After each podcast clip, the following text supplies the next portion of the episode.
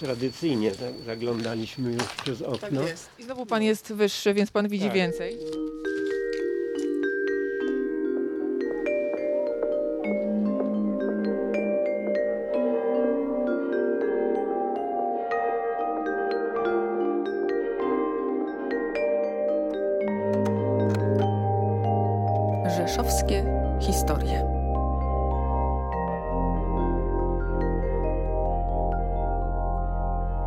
Wszystkich, którzy czekali na dalszy ciąg spaceru po terenach rzeszowskiej kolei, uspokajam, że głos pana, który jest ode mnie nie wyższy i łatwiej mu zaglądać przez okna, należy oczywiście do pana Adama Sapety z Narodowego Instytutu Dziedzictwa. A to oznacza, że w tym podcaście kontynuujemy rozmowy o kolejowych obiektach. No i zapewniam też, że zachowaliśmy bezpieczną odległość od budynków oznaczonych jako grożące zawaleniem. Zapraszam na piąty już odcinek rzeszowskich historii.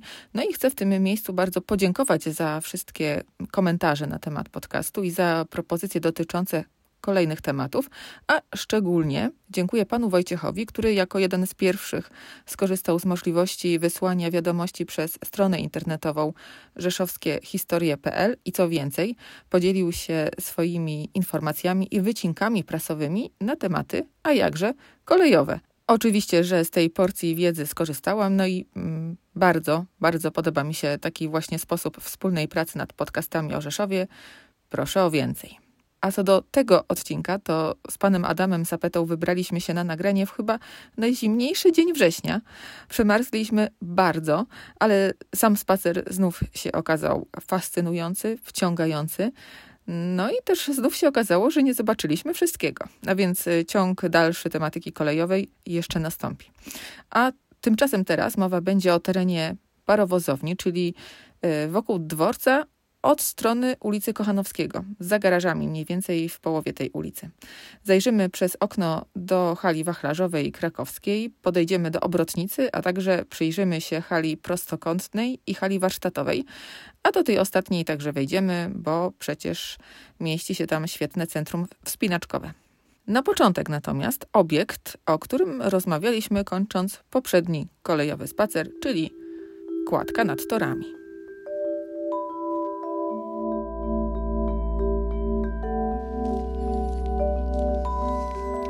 Panie Adamie, mamy przed sobą wycinek z głosu Rzeszowskiego z 27 listopada 1910 roku. Mowa tutaj jest o od dwóch lat ciągle trwających robotach nad rozszerzeniem i uzupełnieniem dworca kolejowego.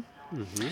No i y, w ostatnim akapicie mowa jest o tym, że doszło do oszalowania mostu prowadzącego na Ruską Wieś i o wreszcie ustawionym betonowym fundamencie na przełaz, wybiegającym wprost od ulicy Grunwaldzkiej, ku Ruskiej Wsi i Budom.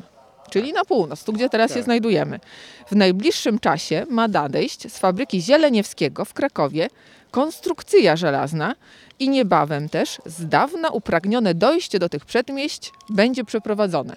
Czy niebawem to było faktycznie niebawem? Czy wiadomo, kiedy ta kładka, ten most powstał? Prawdopodobnie właśnie kładka, właściwie dwie kładki w Rzeszowie powstały właśnie wtedy, kiedy była olbrzymia rozbudowa y, i stacji, i parowozowni w Rzeszowie, czyli terenów parowozowni. Wtedy bardzo unowocześniono w ogóle wszystkie te obiekty. No i była potrzeba, żeby pracownicy, mm, którzy no musieli, a parowozownia bardzo, zatrudniała bardzo dużo osób, żeby oni mogli bez przeszkód przedostawać się y, mniej więcej z placu dworcowego do swojego zakładu pracy. Ale ta notatka też wskazuje na to, że chyba po prostu mieszkańcom była Tak, bo- potrzebna ta, to przejście. Bo y, przy okazji od razu zbudowano drugą kładkę właśnie na wylocie ulicy Grunwaldzkiej. I tutaj, żeby pokazać to, co prawda jest to mapa z okresu y, wojny, niemiecka mapa, ale ona pokazuje dokładnie jaki był układ tych kładek. Czyli pierwszą kładkę mamy z placu dworcowego, tak jak kiedyś do niedawna ona jeszcze istniała, I to jest przedłużenie ulicy, no to niemie, niemiecka nazwa jest Teater chyba, tak? tak, Teaterstrasse? czyli, czyli w naszej y, obecnej ulicy Asnyka. I ona wychodziła na plac dworcowy, ale główna wtedy, no bo tu widać, że jest szersza ta ulica, nazywała się Kolejowa, czyli no po niemiecku Bachenstrasse. to właśnie ona przechodziła przez plac dworcowy i prosto wyjście na kładkę. No ale jest też ta druga kładka, czyli przedłużenie No tak, mniej więcej druga, właśnie O grunwaldzkiej. której też wspomnieliśmy, to była już tylko dla y, mieszkańców. Skrót po prostu, nie trzeba było przechodzić przez wiadukt, który zresztą był ba- bardzo karkołomny, o tym mówiliśmy poprzednio. Zbudowano kładkę na wprost, mniej więcej na wysokości głowic rozjazdowych dworca kolejowego. I ta szersza kładka była dla mieszkańców, węższa kładka dla pracowników. One się potem połączyły. To znaczy po wojnie już, kiedy zlikwidowano tą kładkę na wylocie ulicy Grunwaldzkiej, dołączono ją do tej węższej kładki pod kątem i wtedy obydwie kładki służyły zarówno pracownikom, jak i mieszkańcom. Mam też ze sobą nowiny. 1963 rok luty. Oddział drogowy PKP w Rzeszowie informuje mieszkańców, że od dnia 20 lutego kładka dla pieszych łącząca ulicę Grunwaldzką z ulicą Sienkiewicza zostaje dla ruchu pieszego zamknięta w związku z prowadzonymi robotami elektryfikacji linii kolejowej. Obejście przez wiadukt drogowy na ulicy Goslara. No, czyli już mamy tajemnicę wyjaśnioną. No to, Myśli pan, że to wtedy było połączenie? Wtedy, właśnie, wtedy, ponieważ e, faktycznie elektryfikowano wtedy stację w Rzeszowie i główną linię kolejową, prawdopodobnie ta kładka była za nisko i trzeba było ją zdemontować. No i przy okazji ją przeniesiono na to miejsce, gdzie funkcjonowała później przez następne lata. I do niej się potem przyzwyczailiśmy i taką właściwie pamiętamy, prawda? Taką pamiętamy, taką pamiętamy przez długie lata. Ja jako dziecko wystawałem i oglądałem tu szczególnie w rejonie parowozowni, jak, jak obrządzano parowozy. To było fascynujące widowisko. No i, i służyła mieszkańcom bardzo długo, aż do obecnych czasów, kiedy rozebrano ją zupełnie bezsensownie, bo mogła spokojnie jeszcze funkcjonować. A mam jeszcze jeden e, wycinek. Mhm. Nowiny 85 rok. Tu z kolei jest mowa o kolejnym remoncie kładki i narzekania na przedłużające się prace. Zaprzyjaźniony kolejarz, który śledzi tok robót, mówi, że to lipa. Daj Bóg, żeby w grudniu była kładka gotowa, a miała być gotowa na marzec. Artykuł jest z maja, więc mieszkańcy się niecierpliwią. Cisza i spokój na budowie, które zakłócają jedynie komisje, narady, uzgodnienia, posiedzenia. A kładka jest potrzebna, bo skraca drogę kilku tysiącom mieszkańców osiedla Tysiąclecia do Śródmieścia i na odwrót. No tak, no, i ta kładka faktycznie przez długi czas była taka troszkę, no, nawet niebezpieczna, bo to, co jest ułoż...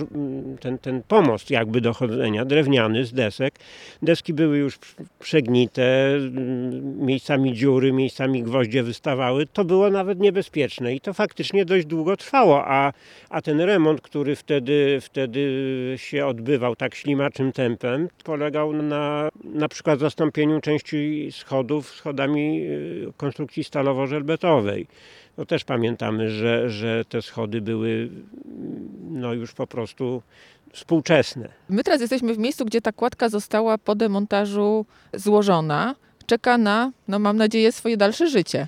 No tak, bo, bo y, nasza akcja to była akcja społeczna, bardzo wiele osób było w to zaangażowanych. Nasza, czyli mieszkańców, i kilku Mieszkańców? stowarzyszeń. Tak, mieszkańców Rzeszowa oraz stowarzyszeń społecznych, które znają wartość takich zabytków.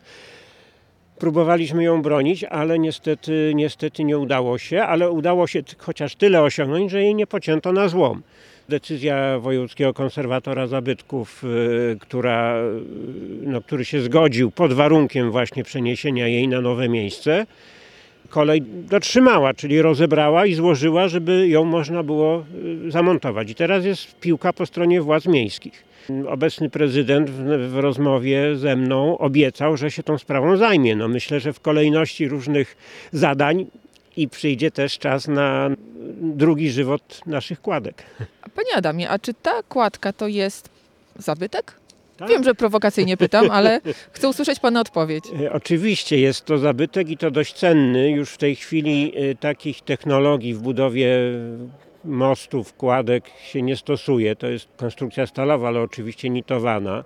Sam układ kratownicy jest też teraz niespotykany już. Gęsta siatka połączeń, czyli, czyli te, te przęsła są wąskie, a za to liczne, czyli, czyli te słupki są gęsto rozstawione i całe te ramy kratowe. No ona jest złożona oczywiście z pasa dolnego, z pasa górnego i, i z pasów bocznych, przede wszystkim tych głównych kratownic, ale pamiętajmy, że most kratownicowy to nie tylko to, co widać tak od razu, ale jest też, są elementy bardzo ważne pod mostem i nad mostem. Często tego górnego pasa nie ma, ale właśnie te historyczne konstrukcje się tym cechują, że ten pas górny, ta górna kratownica, która stęża te główne ustroje kratowe, no to właśnie tu występuje i to jest taka zamknięta konstrukcja. A walor estetyczny, bo ktoś mógłby powiedzieć, no kurczę, tak naprawdę nic szczególnego. Zabytki techniki niekoniecznie muszą być piękne. Nie ma tutaj miejsca na, na jakieś no, ozdobne rozwiązania, zdobienia, ale dla osób, które interesują się techniką, to taka konstrukcja też jest piękna, też jest piękna sama w sobie jako konstrukcja.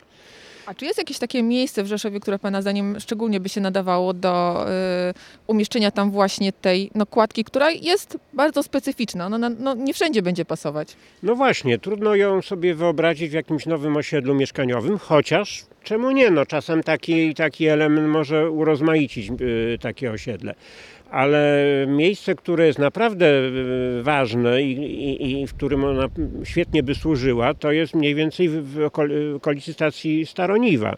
Gdzie... Czyli jednak kolejowe tereny nadal. Tak, tak. Tam bardzo na długim odcinku nie ma połączenia pomiędzy obydwoma częściami miasta. Właśnie przez to, że tory stacyjne są rozległe, długie. Część osób przechodzi przez tory niestety. No, część osób przechodzi przez tory, jak chcą sobie skrócić drogę, a tutaj kładka by świetnie służyła.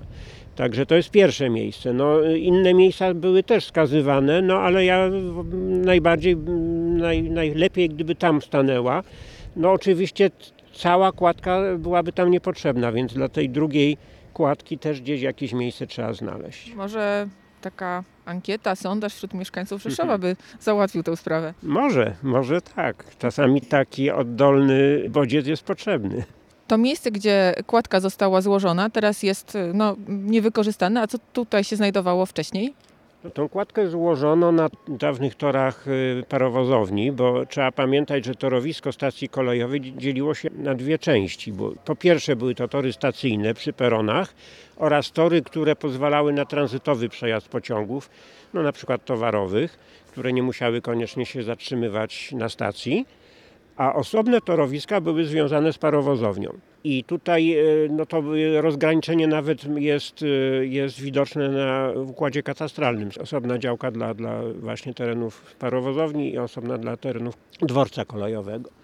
I teraz y, tu, gdzie stoimy, to były bardzo ważne, ważny rejon torów y, parowozowni, bo tutaj były zlokalizowane urządzenia do y, nawęglania parowozów, czyli były takie zasieki węglowe, gdzie był zgromadzony węgiel i osobne urządzenia do napełniania piasecznic, bo każda lokomotywa musiała mieć zbiornik z piaskiem, który służył szczególnie w zimie do ruszania, bo parowóz by nie ruszył właśnie na, na takim oblodzonym torze więc musiał, musiały być urządzenia też do nasypywania piasku. Ten piasek musiał być wcześniej osuszony, bo mokry piasek by po prostu nie przechodził przez przewody.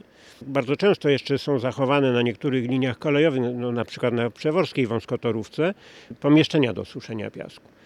No i oprócz tego jeszcze oczywiście trzeba było nalać do parowozu wodę i to wszystko się odbywało w tym miejscu. Poza tym trzeba pamiętać jeszcze o jednej rzeczy. Bardzo często jest mylona. Y, określenie parowozownia jest utożsamiane z halą wachlarzową, a to jest zupełnie co innego. Parowozownia to jest cały zespół obiektów, urządzeń, budynków, torowiska, jakby cały obszar, to się nazywa parowozownia a to poszczególne elementy mają swoje nazwy. Faktycznie to tak się przyj przyjmuje chyba potocznie, że parowozownia to jest jakiś konkretny jeden budynek. Nie, to Nie. właśnie jest zespół budynków. Zespół budynków i urządzeń. Pierwsza parowozownia, wtedy się nazywała szopą albo ogrzewalnią, to był zespół budynków y, też po północnej stronie y, torów stacyjnych, ale uszykowanych, to tu widać na mapie katastralnej, one były uszykowane, o tak ustawimy jak stoimy, równolegle do torów stacyjnych. Wzdłuż tych torów ciąg takich drewnianych baraków, To była właśnie ta pierwsza parowozownia. To ten ciąg jest dosyć długi przecież. Tak, To przy okazji jeszcze można powiedzieć, że no to miejsce, gdzie teraz jesteśmy, to jest oczywiście Ruska Wieś, prawda? tak. Natomiast gdybyśmy szli tak wzdłuż tych torów e, w kierunku na wschód, to doszlibyśmy do Cyganówki. do Cyganówki. I tutaj na tej mapie właśnie są obydwie miejscowości. Jest właśnie Ruska Wieś i Cyganówka. I na terenie Cyganówki właśnie powstały te osiedla kolejowe. To tutaj, w tą stronę, tak?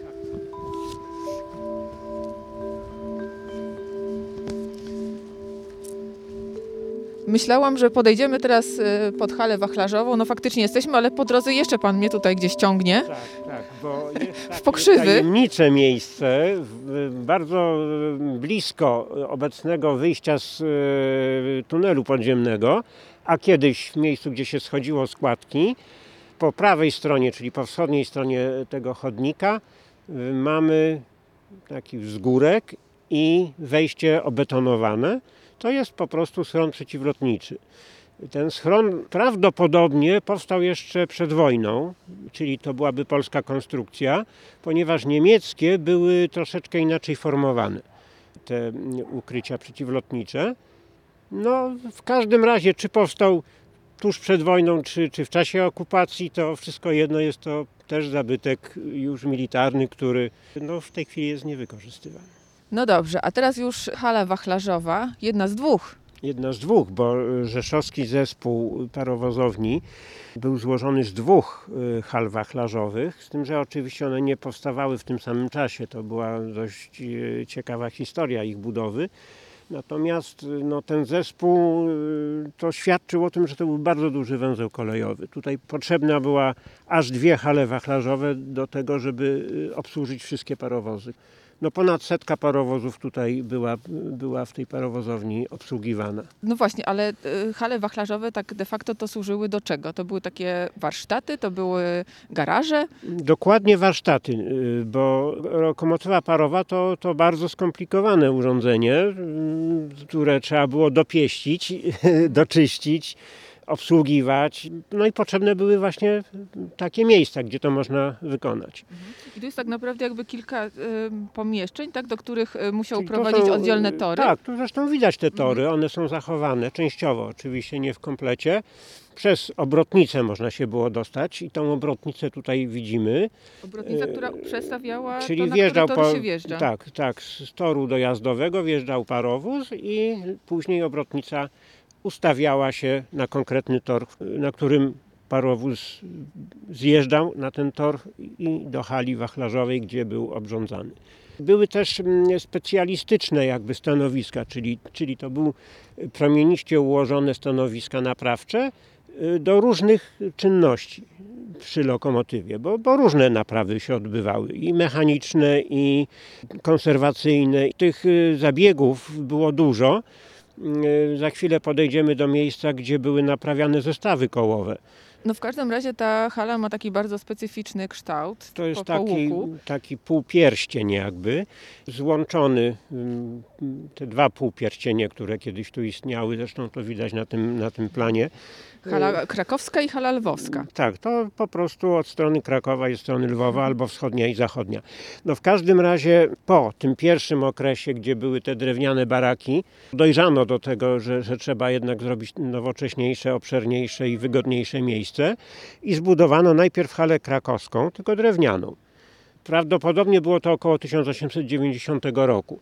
Na planie właśnie mm, stacji rzeszowskiej Zaznaczono później halę lwowską, a ta krakowska jest takim cieniutkim, cieniutką linią, tak jakby ona przestała właśnie istnieć. Czyli był taki moment, gdzie zbudowano halę lwowską i ją na pewno zbudowano przy okazji budowy linii do Jasła w 1890 roku. Wtedy ta hala krakowska jako mniej nowoczesna była na chwilę rozebrana. Parowozownia została rozbudowana w latach 1889-90. Po wschodniej stronie istniejącej hali wachlarzowej zbudowano murowaną halę wachlarzową wschodnią, nazywaną lwowską. Y, Istniejąca hala zachodnia została nazwana krakowską. Na planie z 1903 roku widać tylko zarys hali krakowskiej, która w tym czasie została prawdopodobnie rozebrana. Takie są ustalenia na podstawie właśnie przekazów.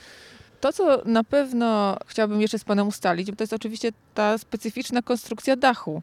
Piramidki przeszklone. Tak, tylko że to jest bardzo późna konstrukcja, bo ta hala krakowska po jej zbudowaniu jako tej nowej wielkiej ogrzewalni przechodziła różne koleje losu i po wojnie była przebudowana zupełnie i wtedy ją nowocześniono. Zbudowano właśnie te świetliki oszklone, które doświetlały poszczególne stanowiska naprawcze. Przebudowano także bramy wjazdowe, dawniej były drewniane, czy były stalowej konstrukcji, ale wypełnieniami drewnianymi. Tutaj widzimy już, już stalowe wrota. My nie dostaliśmy zgody, żeby wejść do środka. Zresztą tutaj mamy taki duży, dużą tablicę z napisem, że obiekt grozi zawaleniem i zakazy zbliżania, ale możemy chyba tutaj troszeczkę zajrzeć przez okno, bo jest wybita szyba. Tradycyjnie zaglądaliśmy już przez okno. Tak jest. I znowu pan jest wyższy, więc pan widzi tak. więcej. No, no tu widać, to pomieszczenie to było pomieszczenie pomocnicze, y, zaplecza pewnie socjalnego parowozowni tej hali wachlarzowej. Tak, ale przez właśnie ten y, otwór drzwiowy widać pierwszy tor y, z kanałem naprawczym. Takich torów jest tutaj no, 20 parę. Więc... Można policzyć y, dokładnie, tak, tak. ale faktycznie jest jasno w środku, prawda? No tak, Dzięki dlatego, tym świetlikom. Te świetliki właśnie pozwalają na doświetlenie. Zbliżamy się do tego charakterystycznego elementu. okręgu, elementu, tak, czyli obrotnica bo nowoczesne parowozy były trochę dłuższe, wymagały dłuższej obrotnicy i taką właśnie obrotnicę tutaj w Rzeszowie zbudowano. No i ona właściwie do niedawna funkcjonowała, jeszcze jak była rocznica 150-lecie kolei w Rzeszowie, to był tutaj parowóz obracany. Naprawdę? tak, tak. Teraz, teraz już to jest zarośnięte, no, no i chyba nikt by tutaj parowozu nie wprowadził. No już teraz nie, bo, bo są tory już y, niedrożne, już są przerwane tory dojazdowe do, do tej obrotnicy. Y, także ona tutaj no niestety smutno sobie stoi i, i jeżeli nie znajdą się pomysły na to, żeby to jakoś no, przywrócić do życia, zrewitalizować w sumie ten obszar, akurat bardzo by się prosił o takie zabiegi no to ona może tutaj po prostu ulec korozji i z czasem przestać istnieć. No. Warto, żeby w ogóle całym zespołem parowozowni się ktoś zajął. Były już projekty, bardzo ciekawe projekty, nawet studenckie, robione, to znaczy prace dyplomowe, projektowe właśnie na temat zagospodarowania tej hali wachlarzowej łącznie z otaczającym terenem. No szkoda, że to były tylko projekty studenckie. No dobrze by było, żeby jednak ktoś poważnie się zajął tym obiektem. Na pewno i hala wachlarzowa i ta obrotnica, one mają swój ogromny urok i myślę, że bardzo by się mogły podobać. Na razie no, przegrywają z roślinnością, która tutaj wchodzi. Powoli, tak, powoli roślinność opanowuje, ale powoli, bo to nie jest dobry teren do rozwoju roślinności, ale zaczyna tutaj rosnąć tu i ówdzie. Drzewka znajdują odrobinę ziemi i dają tak, radę. Wegetacji. Natomiast co jeszcze tutaj ciekawego? Tutaj jest jeszcze widoczny taki kanał instalacyjny, który przebiega do tej osi obrotnicy. A oprócz tego jeszcze tutaj w tle widzimy obydwa kominy, obydwu hal wachlarzowych, bo z hali lwowskiej został już tylko komin. W hali krakowskiej mamy jeszcze komplet. Niestety hala lwowska się nie zachowała. Została rozebrana w sumie no, no, w sposób zagadkowy, bo była już wtedy mm, wpisana do Gminnej Ewidencji Zabytków y, i została no, po prostu nielegalnie rozebrana. W sumie niepotrzebnie, bo w tej chwili tutaj jest ugór, właściwie nieużytkowany teren, a hala była zachowana no, z tego 1910 roku. Miała bardzo ciekawą architekturę. Na szczęście no, no, są zdjęcia, są przekazy. Po tej hali jeszcze został tor, który tutaj dochodził do obrotnicy. Tam przy hali też była obrotnica, troszkę mniejsza niż przy hali krakowskiej.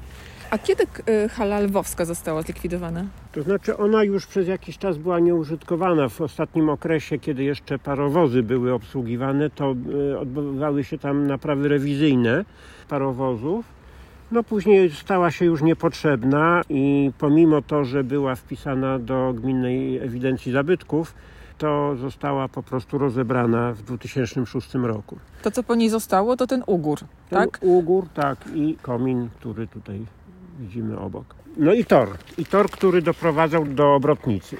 Tutaj ten, ten tor właśnie, no on też tam niknie w tym terenie zahaszczonym. No ale ta obrotnica była w którym miejscu? Tam na środku.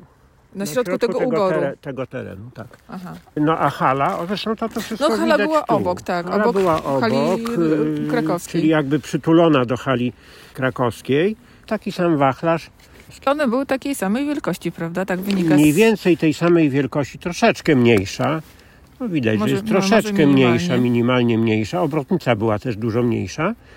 Natomiast, no co ciekawe, miała właśnie tą architekturę bardzo charakterystyczną. Podobną do tego, co widzimy przy hali tutaj tej y, y, warsztatowej. warsztatowej. Czyli, czyli I cegła. Cegła i takie obramienia jak przy hali prostokątnej, tych otworów okiennych. Troszeczkę detalu architektonicznego tam było. Mhm.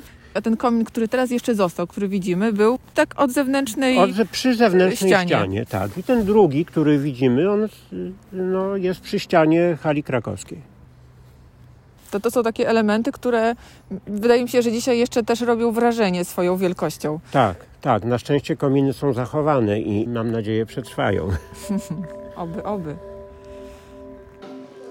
Chodź. Zrób trawersik. Wracaj na ścianę, mistrzu. To dawaj w drugą stronę. Dawaj, dawaj. Pamiętaj, ręce po krzyżu.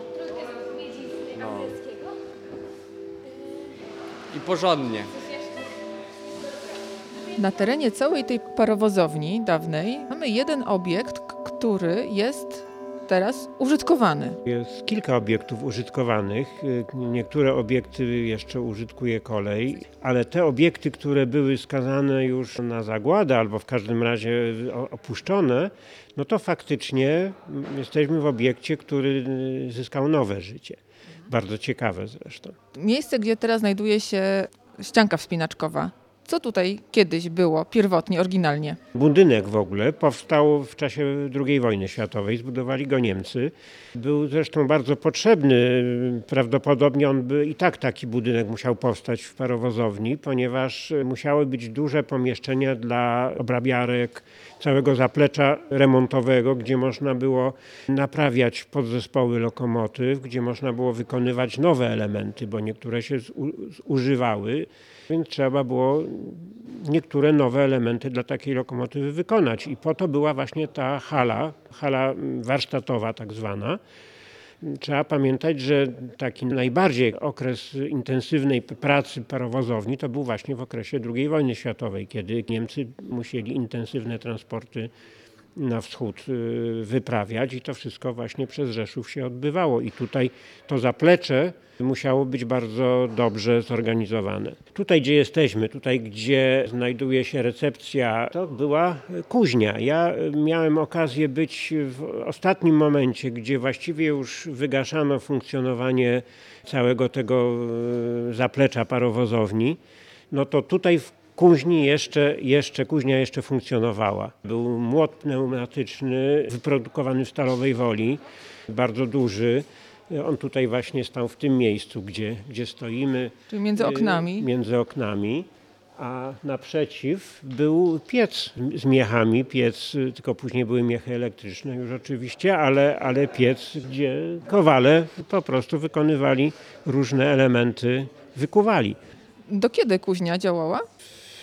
Ha, kiedy to było? No, w latach, w pierwszych latach XX wieku jeszcze ona funkcjonowała. A hala obrabiarek?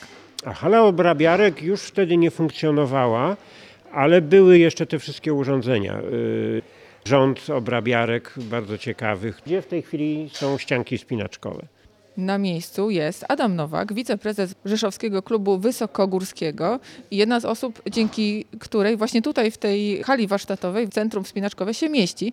Ja wiem, że to był dość długi proces i, i skomplikowany, żeby tchnąć w to miejsce nowe życie. No, w sumie to bardzo długi, bo chyba z rok albo półtorej roku w ogóle staraliśmy się o to, żeby ten budynek wynająć, uzyskać wszystkie zgody raz ze strony PKP, dwa też y, ze strony konserwatora zabytków, bo to jest y, obiekt chroniony pod nadzorem konserwatorskim. No i po tych y, no, dosyć długich staraniach o wynajęcie tego obiektu w sierpniu 2019 roku połowę tego budynku wynajęliśmy i rozpoczęliśmy długie, prawie roczne prace porządkowe tutaj w tym obiekcie. Trzeba było wszystko wyczyścić, okna, podbitkę, no, generalny remont tak naprawdę trzeba było przeprowadzić w tym obiekcie. On prawie 10 lat był nieużywany i Ale tak, żeby z- utrzymać ten styl, żeby go zachować. tak, tak. To do, tego, do takiego porozumienia doszliśmy z konserwatorem. Nam się ten obiekt podobał taki, jaki był, w sensie ten taki przemysłowy charakter. Cegła, właśnie to, że tynk w wielu miejscach odpadł, to nam wcale nie przeszkadzało. Gdzie gdzie tylko poprawiliśmy to, co jeszcze odpadało, no to ten tynk y, zrzuciliśmy. No i wyczyściliśmy wszystko, umyliśmy ściany, umyliśmy sufit, okna. No i jak dobrze pamiętam, jesienią zaczęliśmy budowę ścian wspinaczkowych. To potrwało mniej więcej do marca. Wydarzyło się to, co się wydarzyło. Wszystko zostało zamknięte. W sumie dobrze wyszło, bo mieliśmy 2-3 miesiące praktycznie spokoju, żeby wszystko tutaj dokończyć i jak e, skończył się pierwszy lockdown, to mogliśmy już otworzyć dla wszystkich naszą ściankę. Jak się Państwo czujecie w tych zabytkowych wnętrzach? Bardzo charakterystycznych, bardzo klimatycznych. Mi się tutaj najbardziej chyba te okna podobają, ogromne. Okna są świetne. W większości budynków, y, gdzie są ścianki, to raczej nie ma zbyt wiele światła dziennego, nie ma takich przeszkleń. Nam też się podobają. Jedyny minus jest taki, że są straszne straty ciepła zimą. Coś za coś. No, ale coś, coś za coś właśnie. Mamy naturalne światło dzienne, jest, y, jest tu ładnie, bardzo ładnie.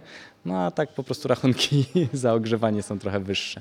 Pewnie się Panu marzy, żeby tutaj te inne e, obiekty też były jakoś tak zagospodarowane z głową. No tak, Kolejowe. Tak, tak. No, wydaje mi się, że my jako organizacja taka społeczna pokazaliśmy, że można i to w sumie dużym nakładem pracy, ale niewielkimi środkami finansowymi da się, da się wykrzesać z tego bardzo porządny obiekt przyjazny dla, dla w sumie wszystkich e, użytkowników. Jak e, rok temu już otworzyliśmy, no to jesienią e, zaczęliśmy wynajmować kolejną część budynku, gdzie będziemy mieć ściankę przygotowaną do wspinania dry-toolowego, czyli z czekanami i z rakami. To w sumie w Polsce nie jest wiele takich obiektów, chyba ze dwa maksymalnie. My będziemy właśnie drugim albo trzecim, już teraz nie wiem, obiektem ogólnodostępnym, gdzie można taką dyscyplinę sportu uprawiać. A tu mnie zaskakuje wewnątrz y, i orzełek bez korony i mapa Polski z napisem Solidarność 80. Tak, to są elementy, które staraliśmy się między innymi zachować jako relikt przeszłości. Mapa Polski ze znakiem Solidarności 80, no to był, zostało zakryte na cały czas remontu i dopiero jak skończyliśmy remont, to odsłoniliśmy z powrotem, żeby, żeby się nic temu nie stało. No a, a godło z orłem bez korony to też takie tutaj było, gdzieś schowane. Jak znaleźliśmy, to tak powiesiliśmy. Pamięta stare czasy i, I ślady tej PRL-owskiej historii po. Oczywiście, oczywiście. No, budynek, i- budynek, z tego co pamiętam, to, to czasów e, II wojny sięga.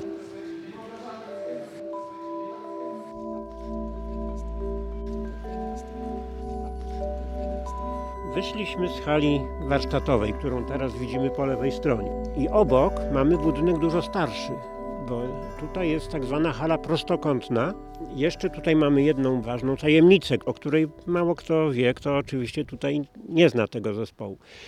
W części y, zachodniej hali prostokątnej, w podziemiach, jest potężny zestaw zbiorników na oleje do smarowania parowozów. I te wszystkie zbiorniki są zachowane jeszcze z momentu powstania, bo budynek powstał y, w czasie tej rozbudowy stacji i parowozowni. I wtedy, kiedy jeszcze nie było stropu, wstawiono te stalowe, nitowane, potężne zbiorniki na oleje. Później dopiero wykonano strop i cały budynek. I dzięki temu, że właśnie one są tak duże, to pewnie się uratowały, bo nie można ich było tak łatwo zdemontować. I one tam w komplecie są. Mam oczywiście wszystko udokumentowane, każdy ma swoją kartę ewidencyjną. One wszystkie są już w tej chwili objęte ochroną konserwatorską. Hala prostokątna to był budynek, który e, również służył do e, celów napraw zespołów lokomotyw, a konkretnie zes- zestawów kołowych. W środku mieściły się specjalne obrabiarki, które służyły do naprawy kół y, parowozu, a pomiędzy halami biegnie tor kolejowy i tym torem kolejowym dojeżdżało się do zapadni parowozowej. To był bardzo ważny, ale bardzo ciekawy też technicznie obiekt. On zachowany jest do dzisiaj, także proponuję, żebyśmy tam do niego podeszli. Wzdłuż torów idziemy. No i doszliśmy do tablic wstęp wzbroniony, przejście wzbronione, bo te budynki dalej no, grożą zawaleniem, prawda? To znaczy to, co się już y, mogło stać, to się już stało. Y, Ta niecka z zapadni parowozowej została osłonięta wiatą. To znaczy były krótkie odcinki muru, a nad tym był daszek. I ten daszek niestety no, nie był naprawiany, nie był kon- konserwowany i to wszystko się zawaliło w tym roku.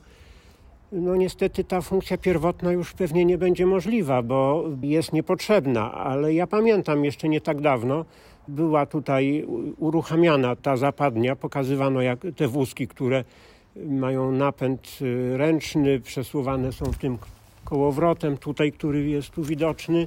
Natomiast pomosty tych wózków już elektrycznie podnoszone i tak było w 1910 roku.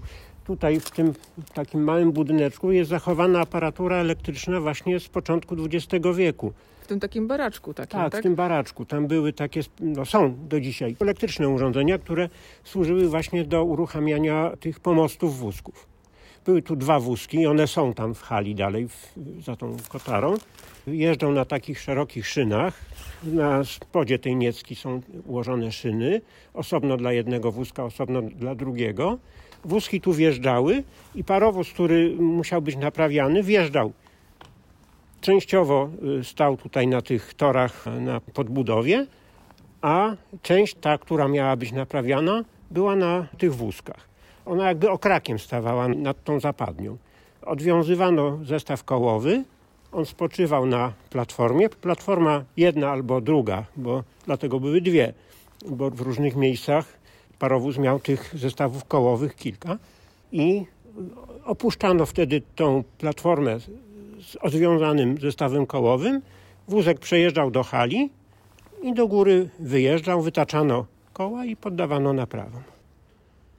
I to wszystko właściwie jest do dzisiaj zachowane, prawdopodobnie technicznie sprawne, natomiast już nie może być użytkowane.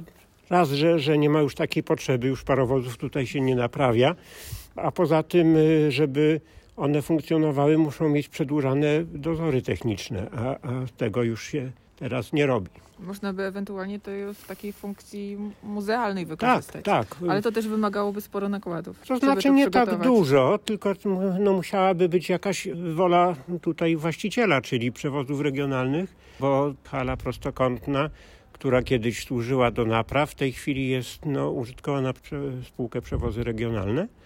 Gdyby chcieli zadbać o, o historię tego miejsca, to można by to wykorzystać, eksponować. No zobaczymy. Na, na razie jest ważne, że to jest zachowane, że to nie zostało zniszczone. Tak, tereny kolejowe mają olbrzymi potencjał i naprawdę szkoda, że tyle obiektów niszczeje, że tak niewielu mieszkańców miasta zna te okolice. Wielkie ukłony należą się członkom Rzeszowskiego Klubu Wysokogórskiego za to, że tak odpowiedzialnie zajęli się halą warsztatową. Teraz pora, żeby ich śladem poszli inni, ale też ważne jest to, żeby sama kolej zechciała zadbać o swoją własność, chwalić się nią, no i eksponować, bo to zdumiewa to, że stosunkowo niedawno wiele z urządzeń było jeszcze sprawnych, a budynki w jednym kawałku i może to ostatni moment, żeby zatroszczyć się o kolejowy Rzeszów. A pierwszym elementem tej troski mogłyby być spacery z panem Adamem Sapetą z Narodowego Instytutu Dziedzictwa. Spacery nie tylko we wersji audio, jak w tym podcaście, ale fizycznie, po prostu po obiektach kolejowych. Mamy szczęście mieć w mieście niezwykłego pasjonata i eksperta. Można go słuchać i słuchać. I takim marzeniem się dzielę na koniec, y, prawie na koniec, bo jeszcze zapraszam na stronę rzeszowskiehistorie.pl, gdzie umieszczone są już zdjęcia, mapy i wycinki prasowe dotyczące tego odcinka. Do usłyszenia.